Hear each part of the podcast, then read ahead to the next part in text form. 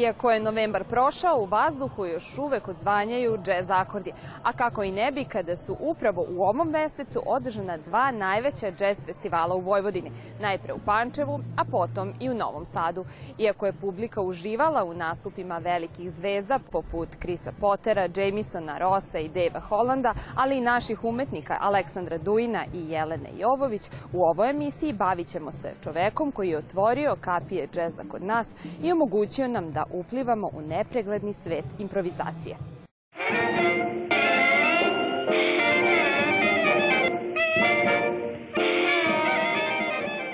Prva gramofonska ploča sa džez muzikom objavljena je 26. februara 1917. godine.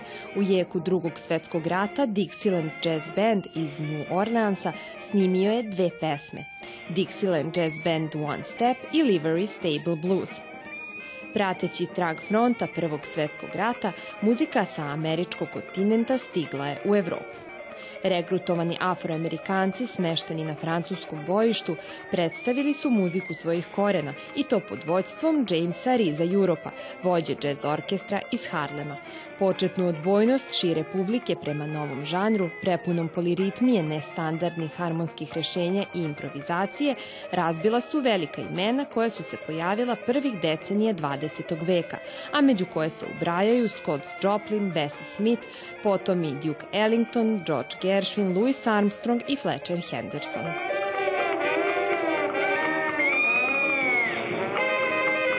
20. godina prošlog veka džez stiže u Jugoslaviju, najpre u Ljubljanu i Zagreb, a potom i u Beograd. Prvi džez orkestar pod nazivom Studentski Miki džez osnovao je violinista Rafael Blan 1927. godine, a dve godine kasnije sa radom je počeo orkestar lakih ludih nota Akademski Jolly Boys, koji je okupljao najznačajnije muzičare tog doba i nastupao u veoma popularnom džokej klubu u Beogradu, čiji su redom redovni gosti bili Olga i Pavle Karađorđević. Džez nastavlja da raste i širi svoja krila, kako među muzičarima, kompozitorima, dirigentima i izvođačima, tako i među publikom. Osnivaju se orkestri, hitovi se puštaju na radiju, eh, a eh, o džezu se piše i u muzičkim časopisima. Ipak nije sve išlo baš tako glatko, a verzija prema džezu bila je prisutna kako u stručnoj javnosti, tako i u društvu. A ko će bolje ispričati priču o džezu od čoveka koju je sam proživeo?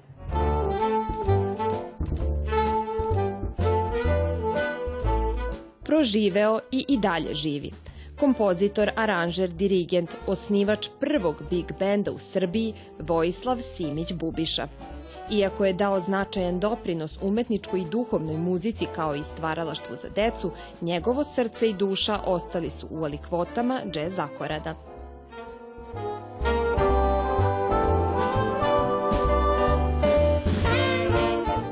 20. godina prošlog veka džez je stigao u Srbiju i bio je e, nešto potpuno novo u odnosu na sve ono što se do tada slušalo i sviralo e, u našoj zemlji. Koje, sećanja, koje su vaše sećanja prva koja vas vezuju za ovu vrstu muzike? Gde ste se prvi put susreli sa džezom? Pa prvi put kod kuće, to je bilo otprilike negdje sredinom 30. godina.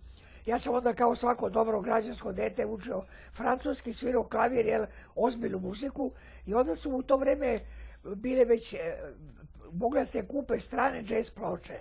A ja sam već znao za Count Basie, Duke Ellington i tako dalje, koji su me isto vreme, pored ozbiljne muzike, za, i one nekako zarazio se preko njih džezom. Onda smo u to vreme mogli ste kupiti i note džeza Duke Ellingtona i ploče. I onda mi je otac kupio divne ploče, one razumije se tvrde ploče, koje smo slušali, koje za vreme bombarduje, kad mi bomba slušala kuću, sve su ploče, te, te tvrde koje su bile. Tako sam se u stvari tu, s jedne strane tu slušaju te ploče, s druge strane u Vrnečkoj banji, kad sam bio kao dečko, mi smo svako leto dolazili tamo, tamo je, sam se upoznao sa džezom, u stvari kroz, za, kroz muziku za igru, jel? U stvari sam čušao orkestre koji su svili u baštama u Vrnjačkoj banji, igranke svili su džez, ali kao muziku za igru, jel? ne kao neki čisti džez. Tako me to me, to me privuklo, pa sam onda želio ja da počnem da radim i još eh, pred eh, drugi svetski rat, kad 30 godina osnovao sam u, kod mene u drugoj muškoj gimnaziji, gdje sam diplomirao 42 i završio gimnaziju 42 godine, onda sam napravio mali sastav koji gitara, klavir, harmonika, pa smo svirali muziku koju smo ili iz nota ili koju smo skidali, odnosno slušali ploče, pa pamtili i to, tako sam ušao kroz to. A taj najviše me kaže kroz muziku za igru, Eli, pre rata su bili u Beogradu nekoliko sala i ženski dom, ratički dom, su bili orkestri koji su svirali, to je zvalo matine, od 5 do 9 i igranke prave, jel? Mislim, ne igranke, to je bilo na, od meni, igranka zvuči prosto. Nego su svirali da sam ja dolazio sa mamom, još kao onda to slušam i tako sam se kroz to zarazio, onda sam počeo polako dolazim u džez i posle to prihvatio kao, kao moju profesiju.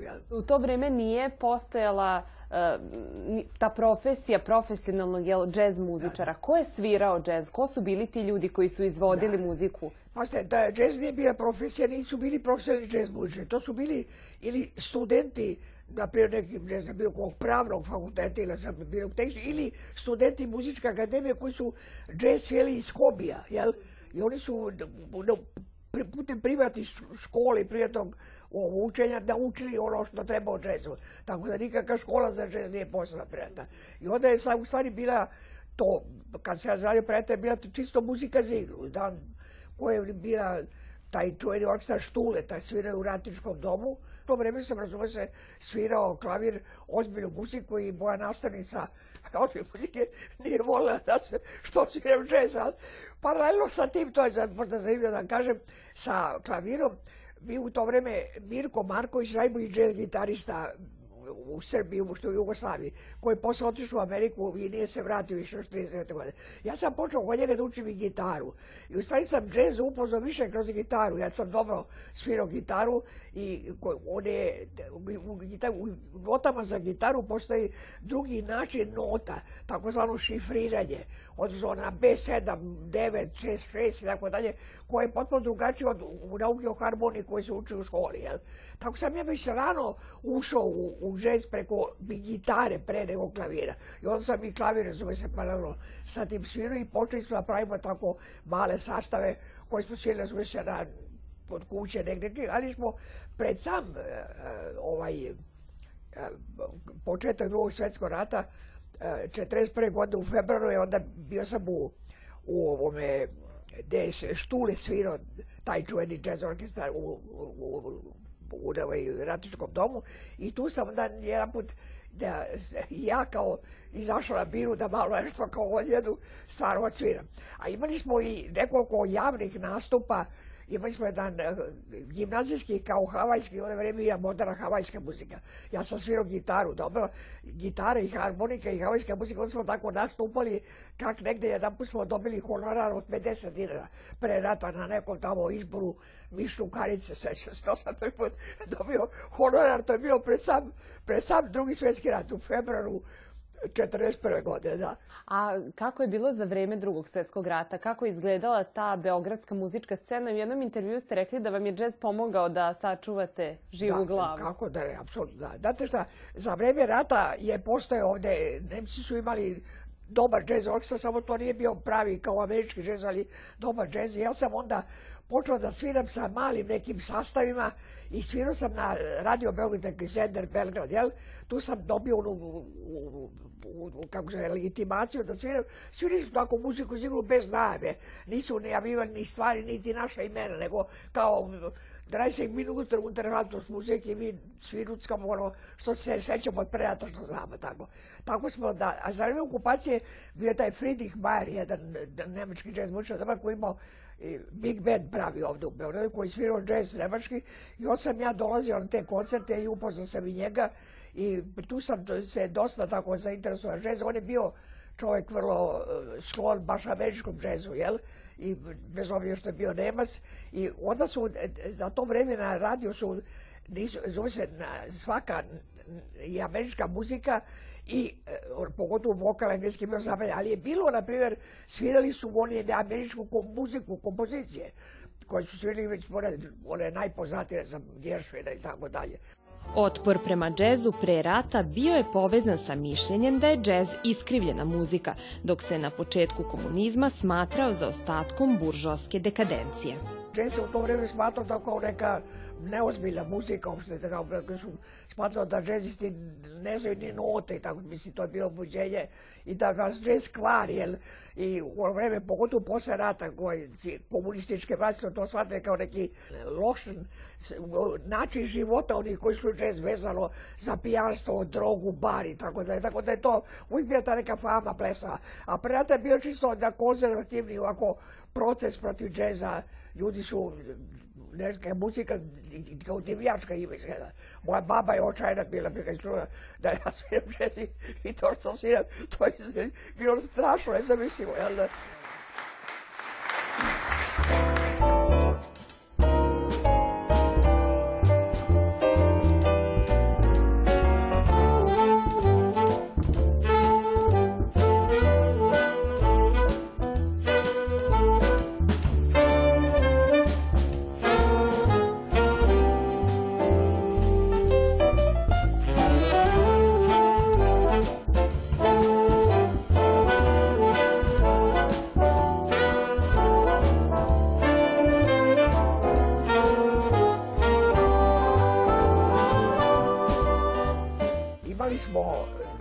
Beogradu džez koji smo vodili, ja sam vodio prvi džez onda 46.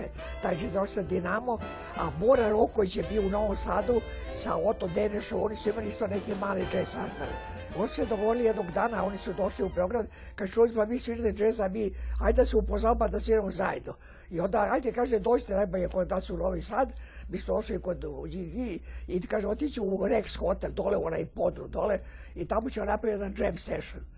I mi odemo tamo pošli nas nekoliko iz Beograda, ne znam, sedmog gosporo, i, i tamo je bio Bora Roković, bio Oto Deneš, bio je Bogdan Dimitrijević, mislim, i mi smo tu napravili taj neki jam session, i taj alarma bila da smo probudili goste iz hotela Rex i oni su upozorili policiju. I policija je došla, mi smo pobegli kroz sam se od kujne napolje, sećam, nije nas uvatili, nešto mi sve, mogli da se, nismo bili kao ono, bez profesija ljudi, ja znam, sviraju džez, nije postao ni džez udruženje, nije postao ni neka sindikat, ništa. Godine 1946. osnovao je amaterski džez orkestar Dinamo, a sedam godina kasnije postaje dirigent zabavnog orkestra radio televizije Beograd, u kome je proveo radni vek. Uspesi su se nizali kako u tadašnjoj Jugoslaviji, tako i širom Evrope.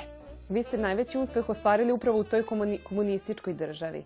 E, kako je bilo svirati, odnosno biti dirigent džez orkestra Radio Beograda? Pa, to je, u stvari, taj se nikad nije dobio ime džez. Mi smo ga posle sami krstili džez, on se zvao Zabavni orkestar. Ja sam prvo počeo svirati klavire u njemu, to je osnovao orkestar i bio prvi dirigent Mlade Guteša, to je bilo 47. godine. Onda je Made Gutuša emigrirao 50 onda sam ja prihvatio taj orkestar kao dirigent. To je bio orkestar koji je imao jazz sastav i gudače. I svi smo tako e, commercial muziku pravi, nije bio neki pravi jazz, međutim, poslije smo se e, Ilija Gerić, Bačko, čuveni dirigent koji je odvojio se, on je uzeo gudače i napravio jedan divan gudačke, a ja sam prihvatio duvače. To je bilo 54. I od onda je to, u stvari ovaj današnji Big Band, to je to, jel? I onda smo se bacili isključivo na, na jazz muziku. I, imali smo, razume se, problema sa, i u samoj radio stanici, sve pri izboru repertuara, dolazi neka čak i komisija da sluša neke stvari, pa kaže ovo je mnogo zvuči tako, znate, jako, pa visoke trube i to, pa nemojte, to je tako. Bilo bio je jedan eto, takav je odnos prema jazzu bio onda. Ja sam sa e, našim jazz orkestrom koji sam preuzeo 53. godine kao dirigent i vodio sam ga do 85. godine, 30 godina sam vodio orkestar. Poslije mi se pridružili i Skerli, i Sjepko Gut i tako dalje, ali sam ja u stvari tako sam vodio. S njim sam obišao celu Evropu. To je bilo divno, onda su bile e, zanimljive turne. Mi smo bili zemlja koja je neka između nije ni komunistička ni ova, nego smo mi jedini mogli da sviramo u socijalističkim zemljama, znači Poljskoj, Češkoj, Rusiji, Sovjetskom savezu, onda Mađarskoj, mogli smo jedini mi da sviramo džez. Oni sami nisu smene sveđe. Jer smo mi donosili američki džez u Sovjetski savez, što je bilo to vreme, mislim, vi ste senzacija da čuju, koji, e, tek posle nas je došao Benny Goodman dve godine prvi put u, u Rusiju. Tako da smo mi bili kao neki vesnici džeza za e, socijalističke zemlje, komunističke, da kažem.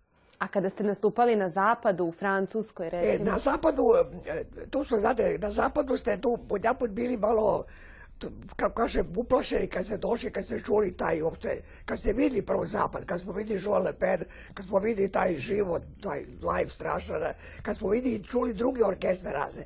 Ali mi smo imali e, sreću da smo imali jednu moju kompoziciju koju sam ja poznao kao Beziju, koju sam ja napisao i kao slično kao Beziji. To je u stvari dobilo prvu nagradu ili je izavlo ne, neki neviđeni, kako kažem, šok tamo. Nisu mogli verovati da mi tu uopšte sviramo džez. Tako da smo bili zapaljeni kad smo u Žolibenu saznali da smo mi dobili prvu nagradu. To je bio prvi evropski džez festival. I mi smo onda tu, kad smo se vratili u zemlju, onda smo, znate, doli tu, kao prva nagrada, pa to je bila senzacija. Iako je upoznao veliki broj značajnih ljudi iz različitih oblasti, susret sa maršalom Titom ostao mu je urezan u pamćenje. za Tito rođendan bio neki koncert imali smo razne neke e, stvari. Odnosno na kraju došlo kad je trebalo već da, je, da skinem smoki, dođe brzo jedan ovaj, pukovnik kaže vi morate, te, hoćete, treba bude predstavljeni drugu Titu.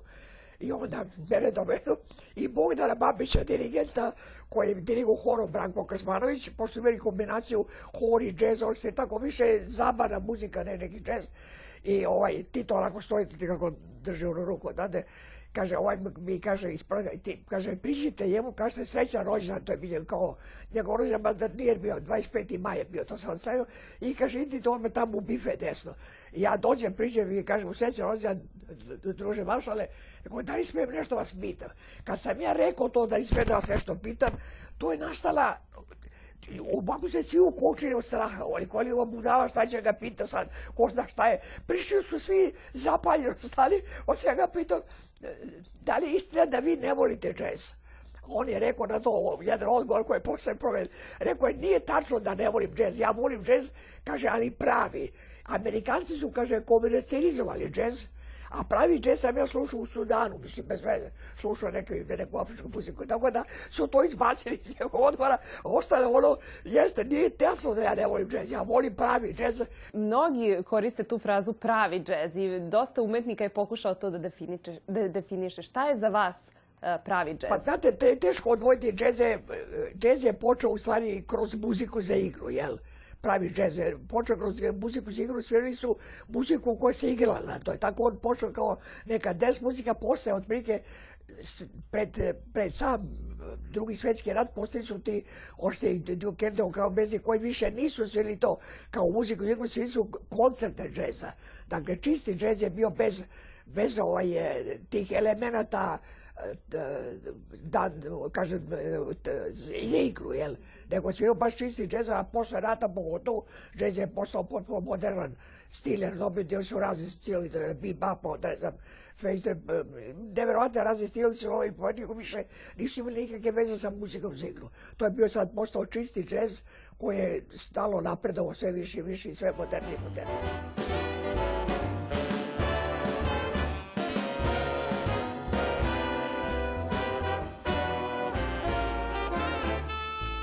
Da li je džez ostao samo priča o kojoj se priča ili dalje raste i razvija se? Činjenica je da čak i na velikim festivalskim koncertima sale ostaju nepopunjene. Šta se promenilo? Džez ili publika?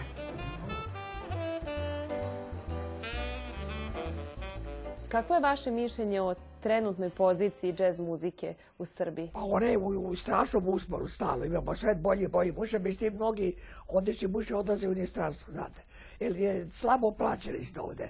Ovaj big band koji svira na radio, on ima male plate i uopšte nije za program širi ovaj slušalaca radio mnogo zanimljivo, tako da su, nisu mnogo ni plasirani u programu mnogo.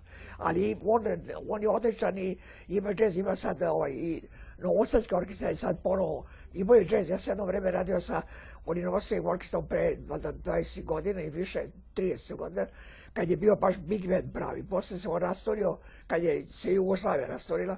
Ali nije li to malo uh, paradoksalno kada kažemo imamo sve više dobrih džez muzičara, a nekako čini mi se sve manje publike? Znate, za pravi džez nemamo publiku, baš onu za, mislim u širem smislu imamo one ljubitelje džeza, poznavatelje koji se upoznali neku publiku šire nemamo to, kad je čisti džez. Tako da, ali mi sa Big Bandom, uglavnom i Novi Sad isto i svi, svi uvijek pomalo i neku komercijalnu džezu, tako da, da bi privukli što više publike sluša. Inače, čisti džez, ako sviramo neki najmoderniji, onako džez svisti, to nije mnogo za publiku, pogotovo za koncert je zanimljivo. Da li vi vidite danas, evo, među tim mlađim e, džez umetnicima, nekog ko, za koga možda smatrate da će biti vaš naslednik? A mislim, da će biti toliko ja, veliko nisam, ime. Ja nisam instrumentalista bio, nego ja sam bio dirigent, i aranžer. Tako da u tome sada radi e, Ivan Ilić je, on otišao sa muzičku akademiju, on je bio dirigent, on sam ne znam jednog mladog koji bi to prihvatio da, da, da, da vodi sve big band, jel, da, da piše aranžmane, da, tako da, da sada radi ovaj, Krnetić mladi, on vodi Sada kad je otišao Ivan Ilić, on vodi ima, imate dobro, mnogo dobri mladi džez muzičara, sjajni. I svi su improvizatori, to je vrlo važno. Pre nije bilo džez muzičara toliko mnogo se iz nota svirao. Sada su svi e, naučeni, svi improvizuju, mislim, hoću kažem odmah, da ću sad, mhm. mislim, da, da, da. Je, tako da, da imate sjajne improvizatore džeza, sva da mlade nove.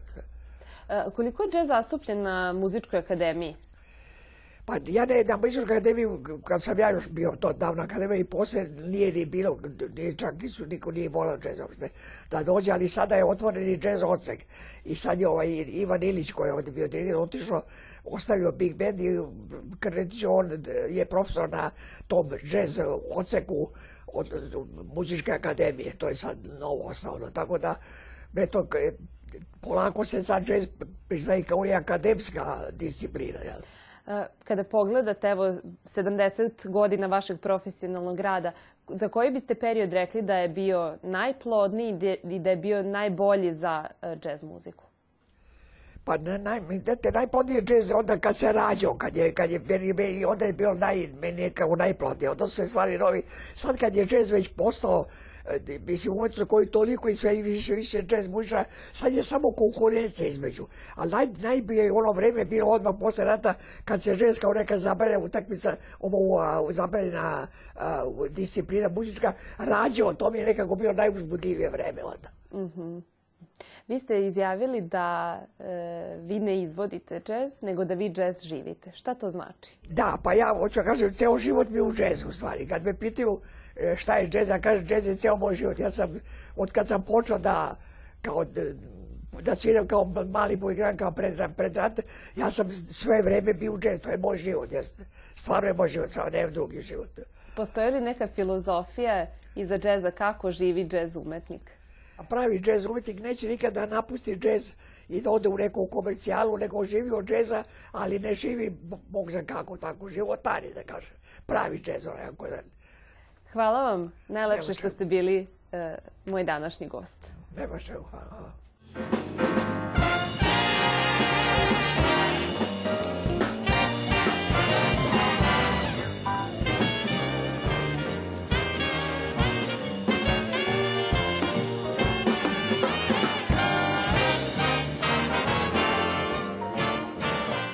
Beskompromisan život sa muzikom, život kroz muziku i život u muzici. Gotovo vek nadahnuća, uzbudljivih putovanja, koncerata, gromoglasnih aplauza i tihih stvaralačkih noći proživeo je Vojislav Simić Bubiša, ostavivši nam u amanet dragoceno znanje, pregršt partitura, audio i video zapise i svedočanstvo o vremenu koga više nema.